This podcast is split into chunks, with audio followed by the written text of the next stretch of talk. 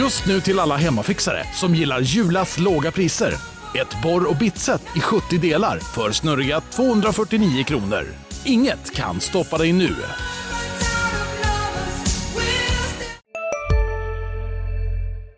Välkommen till Sportklubben, LT-sportens podd om eh, SSK och Hockeyallsvenskan. Jag heter Jakob Sjölin, Andreas Hansson han är fortfarande på semester. Men i det här tredje avsnittet av podden så gästas vi av Andreas Hjelm, SSKs back som eh, fyllt 32, har två år kvar på kontraktet och berättar varför han eh, känner att han står på topp här och nu. Han berättar också vad han tycker SSK behöver ta för kliv för att närma sig toppen i Hockeyallsvenskan. Och så berättar han varför ett antal låtar fortfarande kan göra honom illamående eftersom de påminner om när det gick riktigt, riktigt illa. Trevlig lyssning.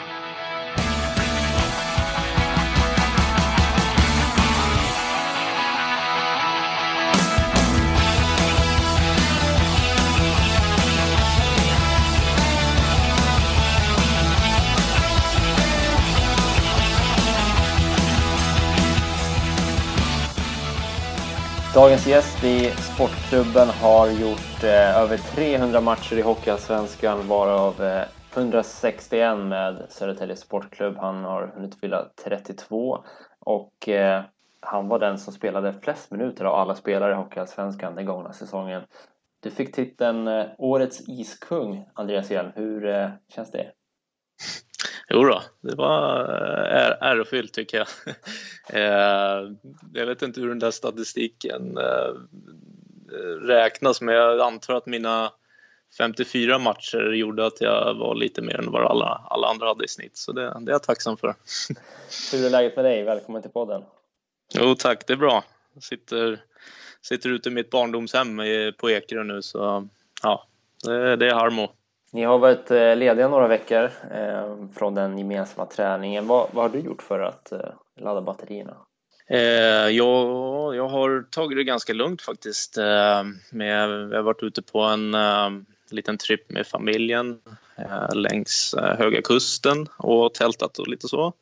Och sen har vi varit på vår familjs eh, landställe i Hälsingland i några dagar. Så vi har precis kommit hemifrån det då. Så ja, och annars har jag bara varit på, på hemmaplan och tagit det, tagit det lugnt och hållit igång med träningen. Vanligtvis eh, så vet man ju när försäsongen börjar, man vet när matcherna tar vid, man vet när serien ska starta. Nu är det inte helt klart eh, hur det blir med, med säsongstarten i september.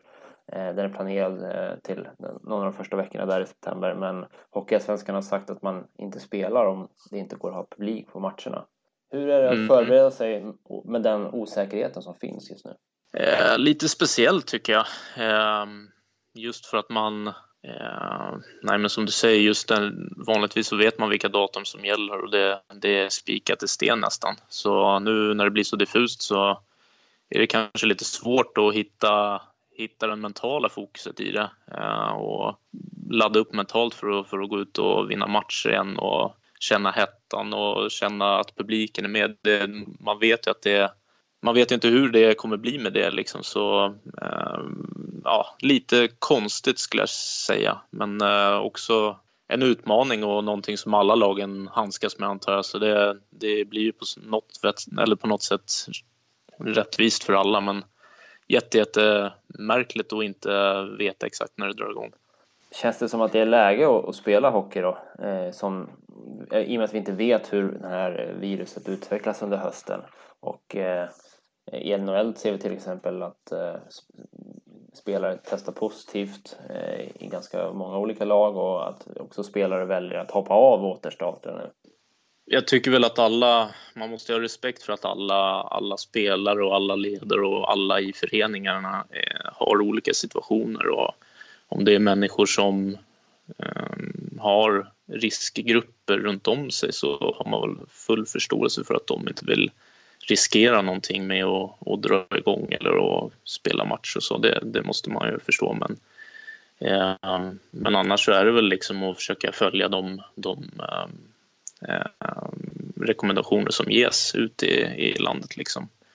Eh, så ja, det är, väl, det är väl lite så jag tänker kring det. Vad innebär det här för er som spelare om det inte blir en säsongstart som planerat eller om det inte blir spel under en längre period överhuvudtaget. Mm. Hur drabbas ni ekonomiskt? Eh, alltså ekonomiskt vet jag inte. Eh, det beror på. Just nu är vi ju permitterade fortfarande nu och sen vet jag inte om det ska bli om det blir någon form av förlängning av den eller om, om man inte blir permitterad från ett visst datum. Det är väl inte helt klart än vad jag vet. Eh, så det får vi väl se. Men, och sen beror det på om, om föreningarna har, har liksom ekonomin till att och betala ut löner hela vägen. Liksom. Och det beror ju på hur lång tid det går så att säga. Ja. Men det är klart att det finns ett orosmoment kring hela, hela den biten. Så det, ja, det blir en intressant höst och vinter skulle man väl kunna sammanfatta det som på många sätt. Hur försöker du planera kring det där? Nej, alltså jag vet inte om jag planerar någonting kring det så men det är väl klart att man har någon form av eh, eh tanke på det bara. Eh, och sen hoppas jag och tror att, eh, att Södertälje sitter i en bra sits just nu med ekonomin och man får hoppas att, att alla sponsorer som, som har stöttat oss genom åren klarar sig och klarar av att kunna eh, sponsra även om man förstår att, att det är en tuff, tuff bransch för alla nu, eh, tuff tid. Så ja, vi får se hur det går och eh, förhoppningsvis så, så kan vi börja spela inom, eh, ja, jag vet inte när det kan bli men förhoppningsvis kan man börja spela i alla fall och mm, sen får man se om det blir om det blir mer publik eller inte. Det, den, den frågan är väl fortfarande väldigt oklar. Mm. Hur skulle ditt liv se ut utan hockey? Eh, om det skulle avbrytas nu menar du? Mm. Ja, Eller du. bara efter karriären? ja, nej, alltså, det är en fråga som, eh, som eh, poppar upp i huvudet mer och mer nu för tiden när man börjar bli lite äldre och inte minst med hur jag satt förra, förra sommaren med, med, utan kontrakt så att säga. Så det, det, jag vet inte riktigt vad jag, vad, vad jag hade tagit vägen men jag är övertygad om att det hade löst sig och jag är, jag är ju en idrottskille i grunden så jag tror att jag hade, hade velat vara kvar i, i idrottsrörelsen i alla fall på något sätt. Och, eh, sen i, i vilken riktning jag hade gått det vet jag inte riktigt men eh, ja, den, eh, den dagen och den sorgen får man väl säga. Så det, vi får se vad som, vad som väntar. Nu här, häromdagarna när vi spelade in det här så såg jag att Stefan Riddervall eh, hade bestämt sig för att lägga av. Ni spelade tillsammans i, i TV-pucken bland annat. Eh, accelererar mm. de där tankarna när man ser jämnåriga lägga klubban på hyllan? Ja, absolut. Det tycker jag. Och det är ju fler och fler som lägger av och vissa lägger av ganska tidigt också. Så det, det är ju Ehm, ja, definitivt en fråga som kommer upp mer och mer i, i mig. Och, ehm, jag tror att det är bra att ha lite, lite tankar på, på det redan, redan nu, även om jag har eh, förhoppningsvis eh, två år till i SSK nu. Så, eh, så tror jag att det är bra att fundera lite kring, kring den biten och vad man känner för. Och jag har väl alltid genom min karriär varit ganska dålig på att liksom göra saker vid sidan av hockeyn. Jag blir ganska inne i min bubbla när jag väl har kontrakt och spelar och så här. Så det, det har varit svårt för mig att göra något vid sidan av plugg eller vad det än är. Då. Så, ja, men jag tror att det är en bra, bra grej att fundera över i alla fall. Och, eh, ja, och sen, sen är jag säker på att, att saker och ting kommer att lösa sig. Det, det handlar bara om att, att ta tag i det när man väl hamnar där tycker jag. Som sagt, 161 matcher i SSK. Vilken av dem eh, kommer du aldrig att glömma? Uh, ja, svårt. Jag skulle nog säga en, uh, en kvalmatch när vi spelar mot, mot Rögle hemma i kvalserien. Mm. och jag kommer ihåg hur vi kom ut ur, ur ja, där vi åker in på isen då. Det var ett sånt, sånt jäkla tryck i arenan. Så det, var, det är nog en match som jag kommer att minnas länge, även om vi inte vann den. Ni förlorade, om jag minns rätt, med 4-1 och hade ett mm -hmm. enormt spelövertag egentligen eh, hela matchen. Kristoffer mm. Liljevall av alla petade in två assist för, för Rögle. Eh, okay. när, när de vände och avgjorde matchen. ja. Eh, du blev skadad då också om jag minns rätt. Ja, precis. Jag fick en...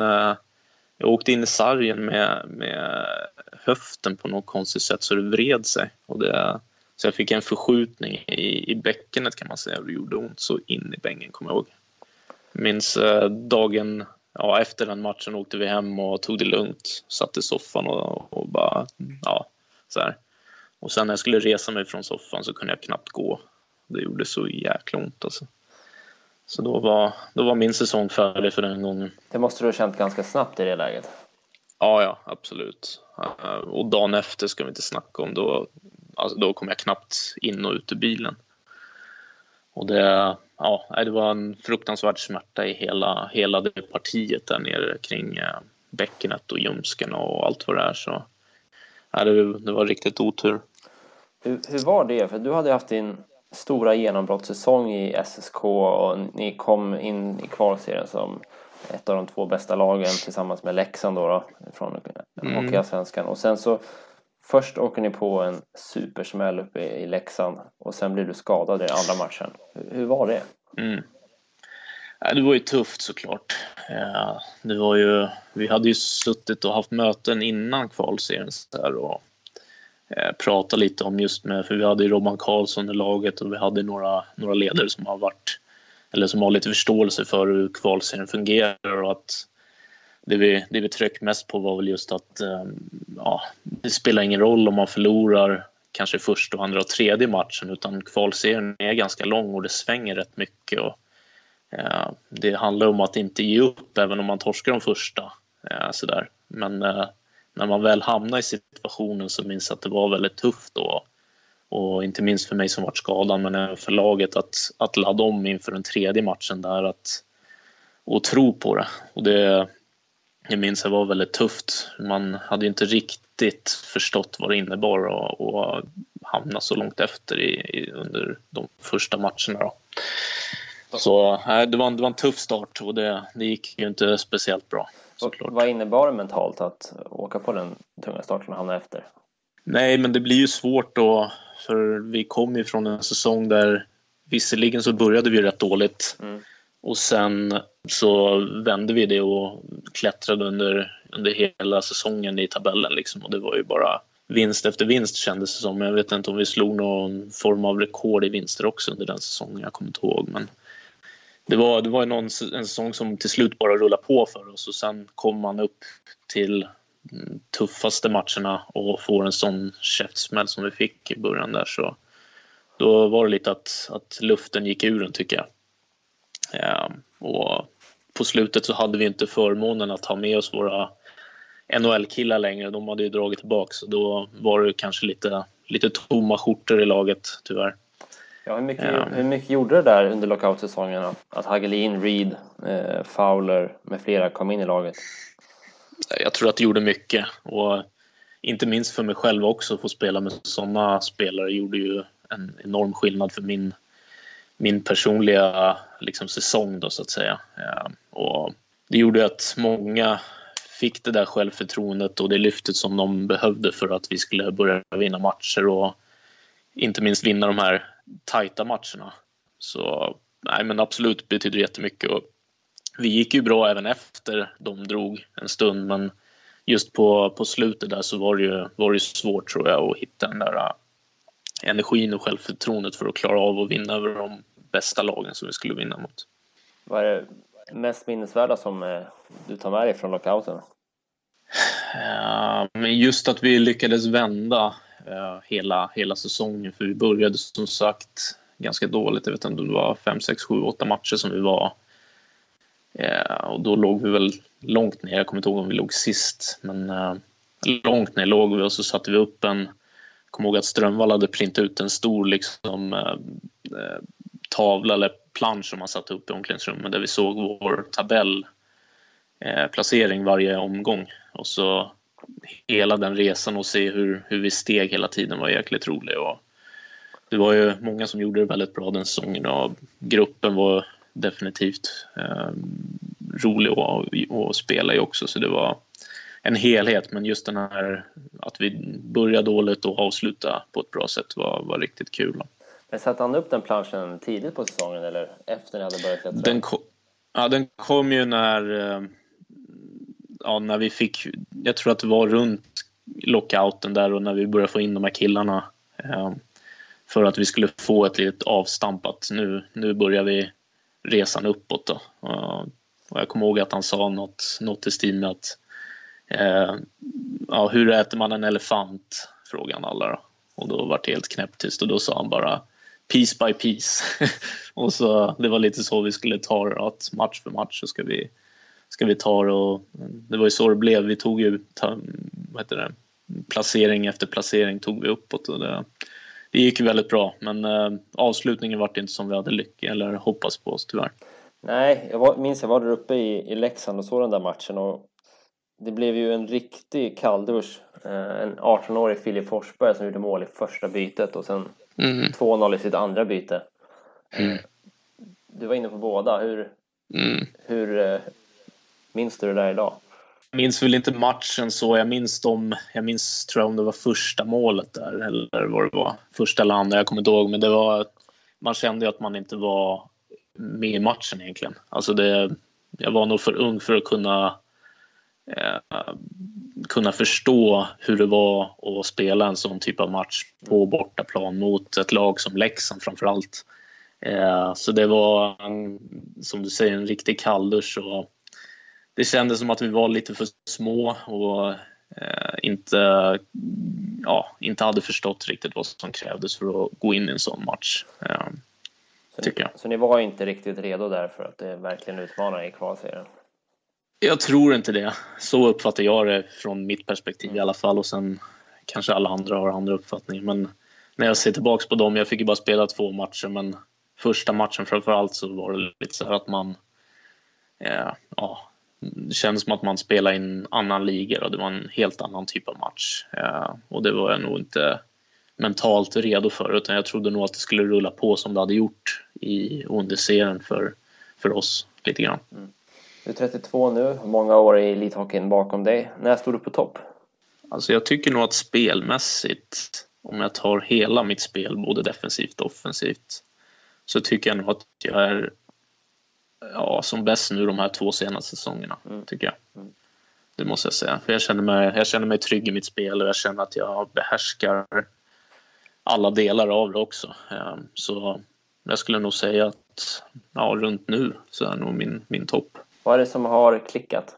Eh, men lite balansen kring det defensiva och offensiva. Och, eh, förra om åren så var jag väl mer, mer offensivt lagd, även om jag kanske inte var... Jag har aldrig varit en sån liksom Erik Karlsson back liksom, där jag har varit, stått och, och kastat in puckar från blå. Utan det är mer att man är... Jag har varit en spelande back och eh, det är där jag har lagt mitt fokus. Men sen kanske framför allt under den här eh, när jag fick eh, Thomas Metell som tränare i AIK där så har jag liksom fått mer förståelse i det defensiva och kunnat ehm, ja, men hitta det som gör att jag känner mig trygg och stabil i egen zon framför allt. Ehm, så det är väl en liten kompott. Man har ju samlat på sig erfarenhet och, och lite vad som funkar för mig eh, defensivt. För jag är ju jag är ju kortare än de flesta i alla fall eh, där ute och speciellt som back. Så ja, det blir ju liksom lite annorlunda för mig eh, i och med att jag möter oftast ganska stora och tunga forwards. Men jag känner, att, jag känner att jag hittar de nycklarna jag behöver för att kunna få stopp på dem. Då, så att säga. Hur får du kompensera för det? Nej, men ofta så handlar det lite om timing tycker jag. När man ska lägga in stöten. Och just skridskoåkningen är ju kanske den viktigaste faktorn för mig. Att jag håller mig rörlig och känner att jag kan ta mig in och ut ur situationer snabbt. Och även när jag vinner puck att jag har de här första skären för att ta mig ifrån situationerna. Det är väl lite så som är, som är det viktigaste för mig. Um, och sen känner jag mig tryggare med det fysiska spelet än vad jag gjorde när jag var yngre också. Men jag tycker att just skridskoåkningen och rörligheten är det som är absolut viktigast för mig. Vem är den bästa spelaren du har haft i ditt lag? Alltså, ja, om man räknar med juniortiden så spelade jag med Anse Kopitar, han är ganska svårslagen i den frågan. Eh, han, jag kommer ihåg, han, han kunde sitta på bänken och så bara, nej killar nu ska jag gå ut och göra mål. Och så tog han pucken och åkte och gjorde mål. Liksom. Det var helt, helt löjligt när alla andra försökte, försökte kriga fram pucken för att ens få fram den överhuvudtaget. Så jag måste nog säga han då. Riktigt skicklig. Hur eh, snabbt såg man att han skulle bli något extra? Ja, det var inte många, många träningar och matcher som krävdes tycker jag. Just med att han hade, han hade sån, eh, han hade storleken och puckskickligheten ja, och spelförståelse och även så här lojalitet mot laget också. Att han var väldigt bra kille och ja, omtyckt. Så det som man trodde skulle vara ett hinder var väl kanske hans, hans skridskoåkning i början skulle jag säga. Men han, har ju, han är ju svårstoppad när han kommer upp i fart. Och det, det är en stor, stor nyckel för honom tror jag att vara puckstark och stark i kroppen. Så. Vilket har varit karriärens största motgång? Ja, men det måste ju ha varit den säsongen där när vi när jag, min, mitt andra år på kontraktet med, med Luleå så var det egentligen hela året var väldigt, väldigt tufft för mig. Just med att börja med Luleå där vi fick in lite nya tränare, vi tränade lite annorlunda på sommaren och så kom vi till, till hösten och så var det lite, lite kaos, vi spelade dåligt och hamnade rätt långt ner i tabellen och sådär. Och sen under resans gång så hamnade jag utanför, utanför laget där eh, och inte fick spela och så vidare. Eh, och så kände jag att äh, men det här, nu måste jag nu måste jag härifrån för att få spela liksom och då, ja, men då visade ju SSK intresse då och så valde jag att hoppa på det tåget och det, det tåget gick ju rakt neråt så det var ju fruktansvärt.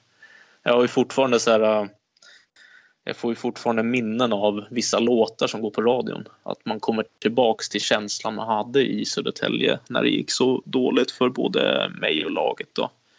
Och det, jag får nästan rysningar när jag hör de låtarna nu. Liksom. Vad är det för känslor som kom... kommer fram och tillbaka från, från den tiden? Jag, jag mår dåligt. Jag liksom får nästan rysningar i kroppen. Liksom. Och kommer ihåg, man får lite bilder i huvudet hur det var i laget, vilka som spelade där och vilka tränare man hade och hur det såg ut i omklädningsrum och lite, så här, lite allmänna känslor bara. Och, nej, det, var, det var en fruktansvärd tid faktiskt när man tänker tillbaka på det. Ja. Vad var det som var värst? Ja. Ja, vad var det som var värst? Alltså man, för det första kändes det inte som att jag hittade mitt spel. Ehm, och jag kom ju från ett SHL-lag och när jag kom till Södertälje så kändes det som att, vad ska man säga, både jag och andra tänkte väl att det skulle vara liksom den stora vändningen då. Mm. Ehm, och för mig att komma in och känna att jag för det första kände jag mig vilse ute på isen. Jag visste inte helt hur vi skulle spela och jag kände inte någon trygghet i, i lagets eh, strategi, eller man ska säga. Och, så. Ja.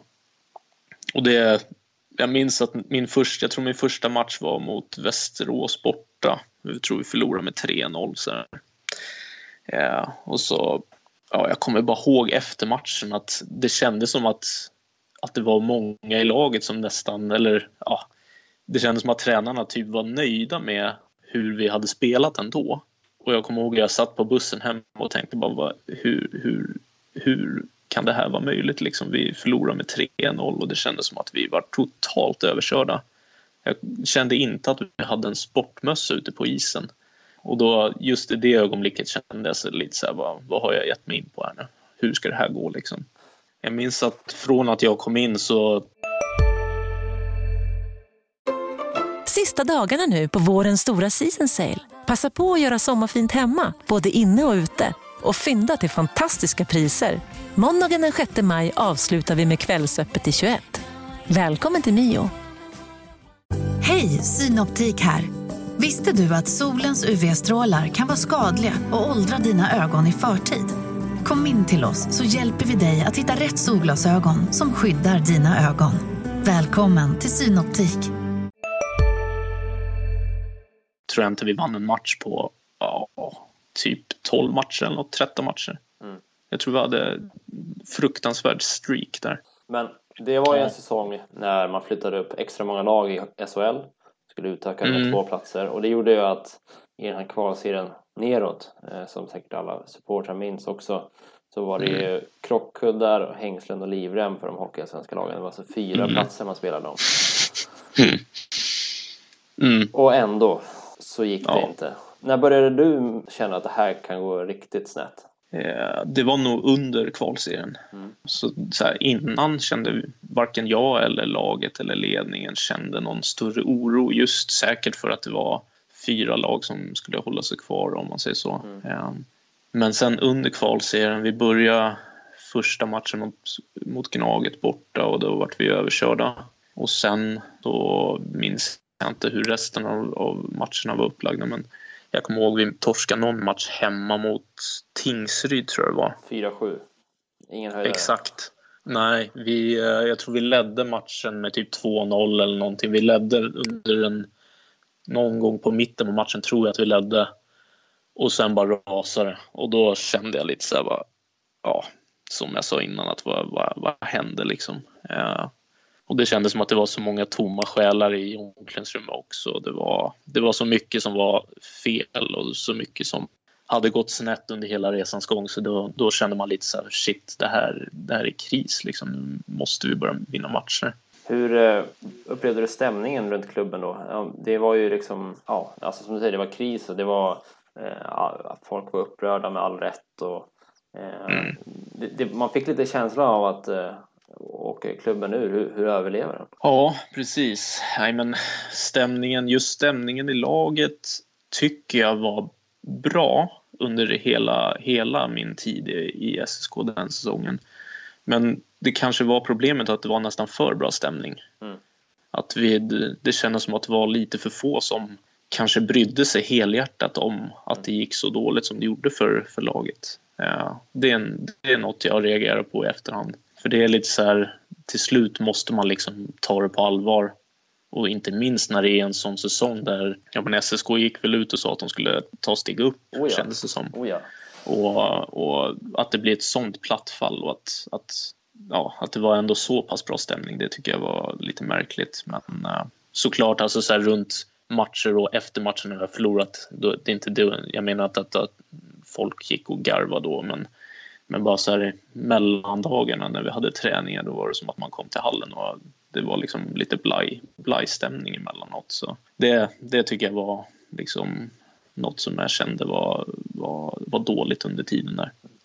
Du berättade att eh, du hade förväntningar på dig att komma in och vända skutan för laget när du kom från SHL. Eh, alla minns mm. din säsong eh, under lockouten till exempel.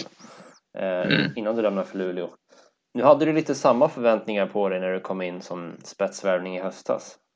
Det, mm. det gick betydligt bättre. Var, varför tror du att du klarar av att hantera det på ett annat sätt nu? Jag känner nog att den säsongen med SSK när vi åkte ur, mm. egentligen av alla mina säsonger har den varit det, där, där jag liksom har lärt mig mest egentligen. Dels här hur, hur ja, men lite som jag sa, stämningen i laget, lite hur människor beter sig, vad jag känner att jag behöver av liksom, ja, men dels det fysiska, hur min fysiska form är och hur, vad jag behöver av andra i laget liksom under, för att kunna prestera lite så. Så jag känner nog att det är den säsongen som jag har lärt mig mest eh, faktiskt. Och år efter gick jag, eh, eller fick förmånen att komma till AIK. De ville ha mig efter den katastrof, katastrofsäsongen, vilket jag var överlycklig över. Och år efter så liksom vann vi i allsvenskan igen och jag känner att jag tog med mig väldigt mycket av den erfarenheten in i AIK och byggde lite vidare på det då. Du kom ju till SSK från just AIK. Jag hade spelat mm. U16-hockey i AIK. Kom till SSK under gymnasiet. Det fanns ju mm. ganska bra spelare i J20 då. Eh, du nämnde Kopitar, Bergfors spelade i J20, Linus Widell mm. ibland, Dragan ibland. Vem var det en talang som du verkligen trodde skulle bli något men som aldrig riktigt lyckades? Ja, jag vet inte alltså. alltså så här, det beror på vad man, vad man menar med att inte lyckas då mm, lite grann. Mm. Så här, jag, tycker att, uh, jag tycker att Tony Lagerström när vi var, när vi var unga, han var Alltså i 20-åren var han riktigt, riktigt, riktigt bra alltså. Och jag tycker nog att han liksom så här, där kanske jag hade trott att han skulle mm. eh, ta ännu längre steg. Men jag tycker inte att han har misslyckats med sin karriär heller. Liksom. Han blev ju professionell så. spelare i Hockeyallsvenskan. Ja, exakt. Det är det jag menar. Så det, det, snarare så är det väl någon som inte har kommit till en A-lagshockey, men jag kan inte komma på så här, att det var någon som bara han, han är grym liksom och han blev ingenting.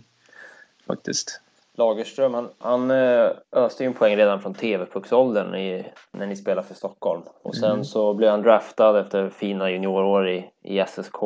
Men eh, fick inte riktigt plats i SHL-truppen då. Fick gå till Mora. När han kom tillbaka till SSK så blev han ju kapten så småningom. Min bild var att det där blev lite av en tyngd för honom att hantera i moderklubben och Mhm. Särskilt när det inte gick så bra för SSK här efter degraderingen. Vad- Hur, hur, hur tyckte du att den situationen var? Alltså jag vet inte om det var en tyngd för honom, för det känns som att han alltid har varit en, en ganska naturlig ledare. Eh, och jag är fortfarande väldigt bra kompis med honom. Han, det känns som att han är lite ledaren i vårt gäng fortfarande. Mm.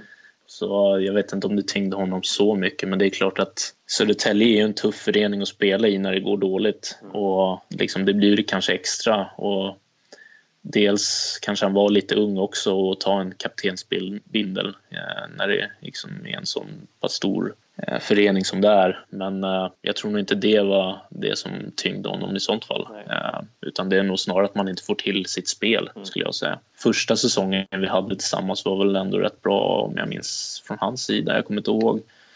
Men Jo, det sen andra, an, andra, ja, och andra året var väl det som var lite sämre då. Men samtidigt så, så gick laget väldigt bra och det, som kapten måste man ändå ta lite ära i det tycker jag. Ja, man kanske kan tänka sig att han hamnade lite i kläm där som, som center i, när ni dels Mm. hade lockoutspelare och sen så var ju Micke Nylander självskriven i powerplay till exempel. Precis, det blir ju så.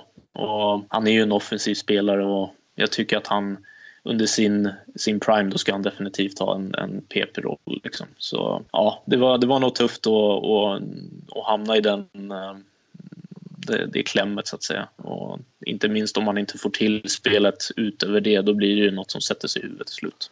Men på tal med här att vara ett kapten i SSK, både när det går bra och dåligt, vad, vad tror du krävs av en lagkapten? För nu ska ju det utses en efterträdare till Liljevall här inför säsongen som kommer. Mm. Alltså det som krävs som lagkapten, jag, jag tänker så här att ja, min bild av liksom lagkapten-biten är generellt så här, är att jag tycker att människor i laget ska, de ska bete sig som de alltid gör, lite grann. Och sen när man får ett A eller ett C på bröstet tycker inte jag att, ja, visserligen kan det ju förväntas lite mer i att ja, men när det går dåligt eller när det är möten då har man en lite större roll då, men i hur man beter sig tycker jag inte det ska eh, ändras på något sätt utan jag, min uppfattning är att jag oavsett om jag har ett A eller ett C eller ett ingenting så beter jag mig på samma sätt och är samma person. Så. Sen är det alltid roligt att få en, en, eh, ett större ansvar tycker jag. Mm. Ser du dig själv som en ledargestalt? Eh, Ja, nu gör jag nog det. Förr om åren när jag var yngre tycker jag nog inte att jag var lite så. Jag har ofta varit ganska, ganska lugn och jag säger inte speciellt mycket i omklädningsrummet förr om åren men nu, nu när man är äldre och känner sig lite tryggare i sig själv så är det mycket lättare. Och jag tycker nog att jag ser mig själv som en ledare nu för tiden i alla fall. På vilket sätt leder du då? Jag försöker vara en, en, en bra kille till andra då, och liksom gå runt och prata lite och ha bra stämning runt om mig. Men sen det som jag alltid har gjort egentligen är väl att jag, ja, men jag sköter mitt så att säga. Jag, jag gör mina grejer för att vara förberedd och jag tror att under säsong så gör jag, gör jag väldigt mycket som man inte ser eller tänker på för att liksom försöka ha en bra rutin och försöka möjliggöra att jag kan göra bra matcher. Så, och vara professionell om man säger så. Att um, på det sättet leda. Finns det några verbala ledare i, i spelargruppen? Om du visar mer med exempel och så. Finns det några som nu när inte Lillevall är kvar som är verbala på ett annat sätt? Ja, men det tycker jag. Jag tycker vi har eh, av det jag har känt de här fyssäsong eller fysveckorna nu så känns det som att vi har en ganska bra grupp. Skön stämning, det är många som vill jobba tillsammans och vill jobba väldigt hårt känns det som. Och det, när, när vi kör de här tuffa passen så märker man ju av att vissa är mer liksom Mm. mer ledare än andra kanske då och pushar på. Typ Dahlström. Han är alltid en sån som hejar på andra och, och liksom lite så med flera. Men eh, jag tycker vi har en riktigt, riktigt skön grupp och det, det ska bli jättekul att, att starta upp där igen nu efter semestern. Tidigare år i karriären, vilka är de bästa ledarna du har stött på eller spelat med?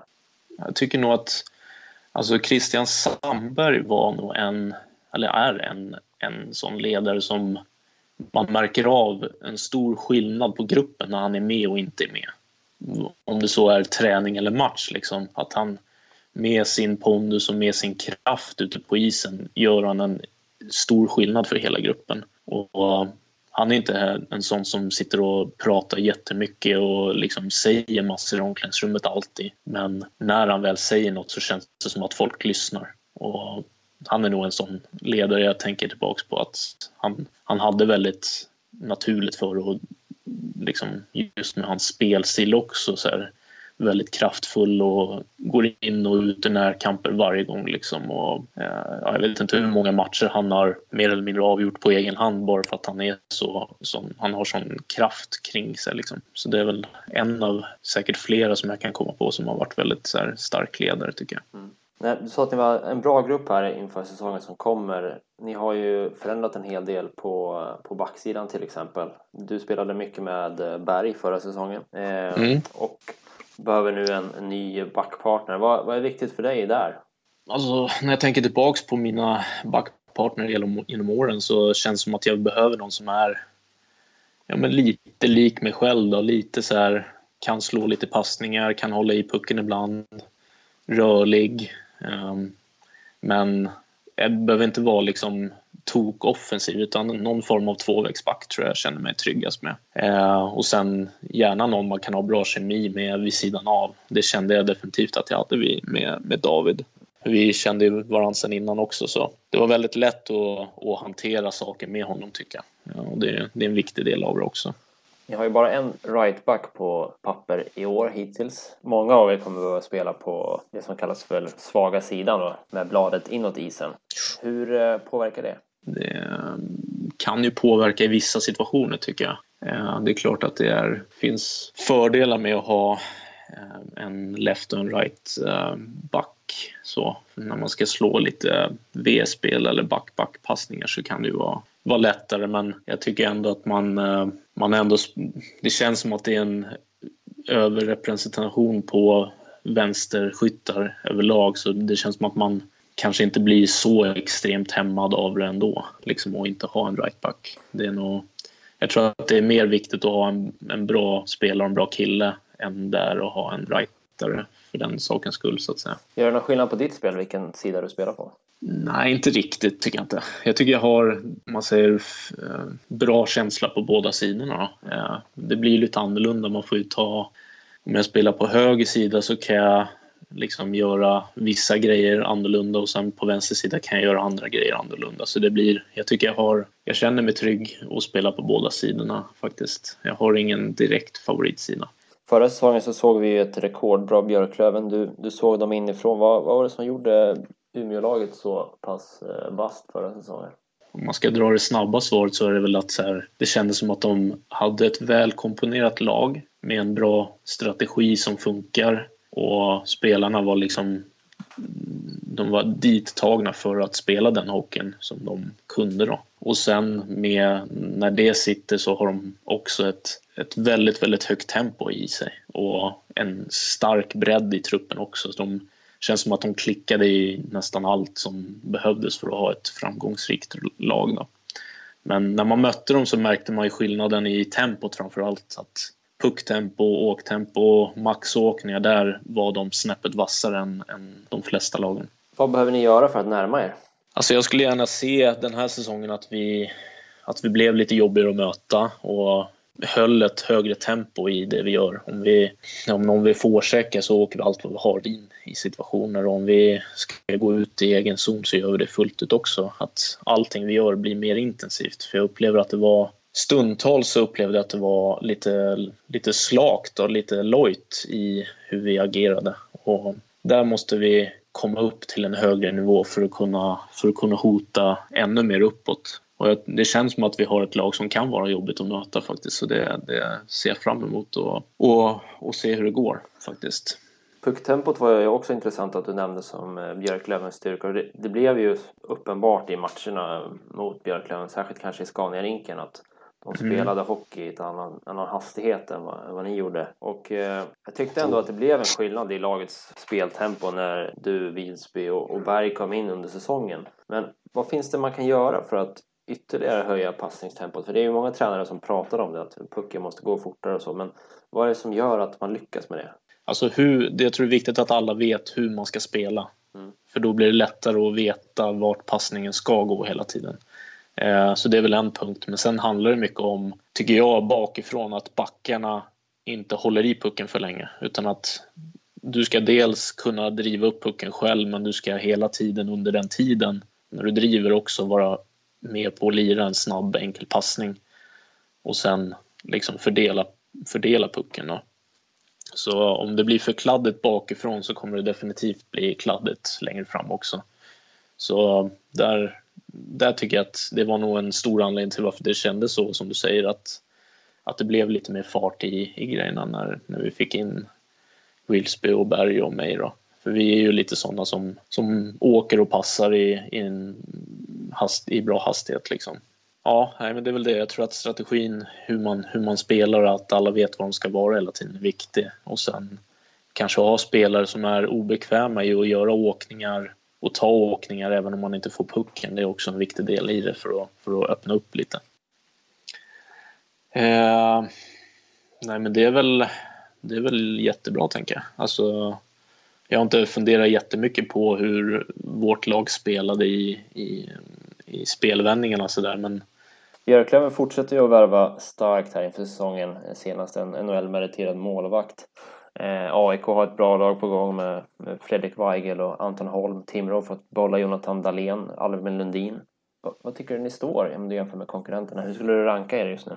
Alltså på pappret så känns det inte som att vi är, vi är nog inte i toppen tror jag inte. Alltså topp, de lagen som du säger känns ju väldigt vassa. Eh, Modo ser ju bra ut också.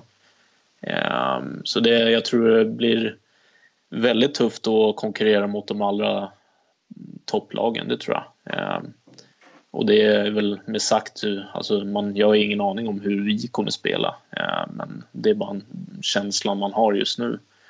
Men eh, efter de lagen så känns det som att vi ska kunna vara med och, och fightas. Och jag ska vara ärlig och säga att jag har ju inte jättebra koll på vad alla lagen har värvat och hur det ser ut. Så, men min känsla är väl att någonstans där, eh, i alla fall hoppas jag att vi kan komma upp till en nivå och Eh, förhoppningsvis kunna hota ännu längre upp. Men eh, man vet ju om nu att det ska ju mycket till för att ett lag ska lyckas och det är viktigt att få ihop en bra grund i allting vi gör. Om det så är fysen eller hur strate- alltså spelstrategin är. Att grunden är jätte, jätteviktig och sen efter det då kan det ju bära hur långt som helst. Det var två år kvar på kontraktet med SSK. Vad, vad har du för förväntningar på de åren? Alltså nu med tanke på rådande omständigheter så är det svårt att, att ha förväntningar. Så jag, jag tycker det ska bli... Jag längtar efter att få spela matcher och framförallt så Eh, men med tanke på hur det känns nu och hur det ser ut så längtar jag extra mycket till den dagen man får spela framför en publik och framför ett fullsatt Scania, eh, Scania-rinken. Liksom.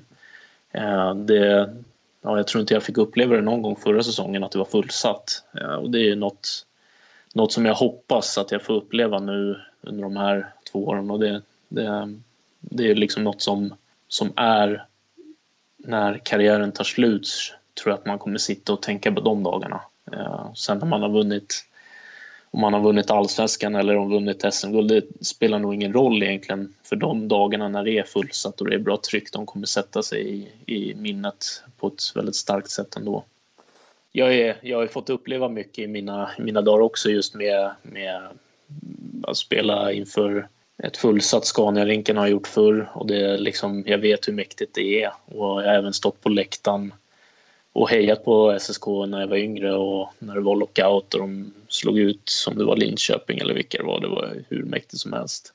De dagarna, det är de dagarna som är roligast och de vill man ju uppleva ännu en gång och ännu en gång. Så det eh, jag hoppas att vi kan få uppleva det en gång till minst i alla fall och att det kan Eh, lösa sig här i framtiden så att, så att vi får en, en, eh, en publik att spela för igen. Det vore eh, riktigt kul. Och sen får man vara tacksam för allting man har upplevt. Liksom. Det, det är definitivt. Du är 34 när kontraktet går ut. Hur länge tror du att du spelar hockey? Jag vet inte.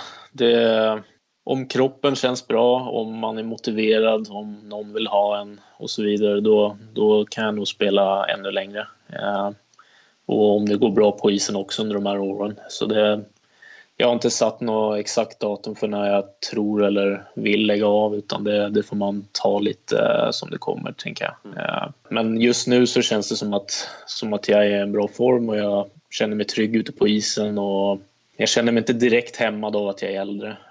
Så än så länge är jag väldigt, väldigt glad över att få spela hockey. Jag är grymt glad över att få spela i SSK.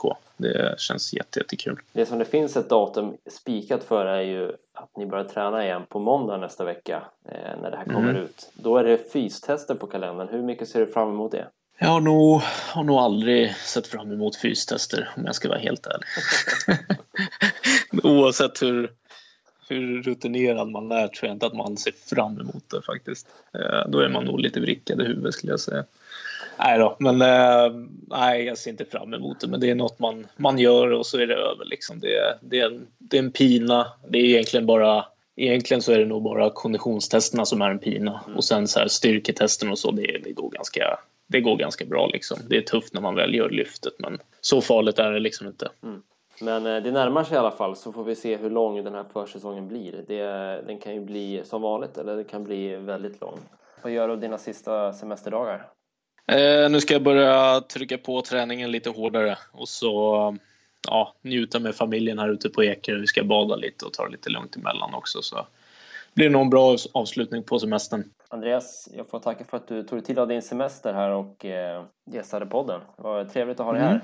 Tack för att jag fick vara med.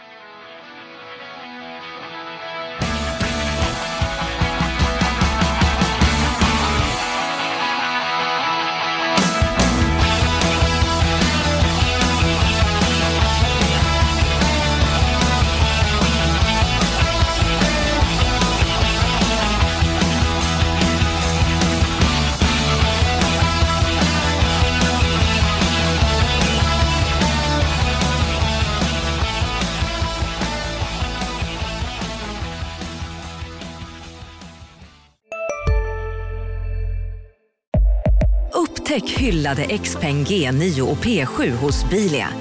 Våra produktspecialister hjälper dig att hitta rätt modell för just dig. Boka din provkörning på bilia.se xpeng redan idag.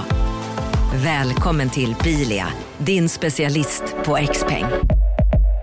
Välkommen till Momang, ett nytt smidigare casino från Svenska Spel, Sport och Casino där du enkelt kan spela hur lite du vill. Idag har vi Gonzo från spelet Gonzos Quest här som ska berätta hur smidigt det är. Sí, es muy excelente y muy rápido. Tack Gonzo. Momang, för dig över 18 år. Stödlinjen.se.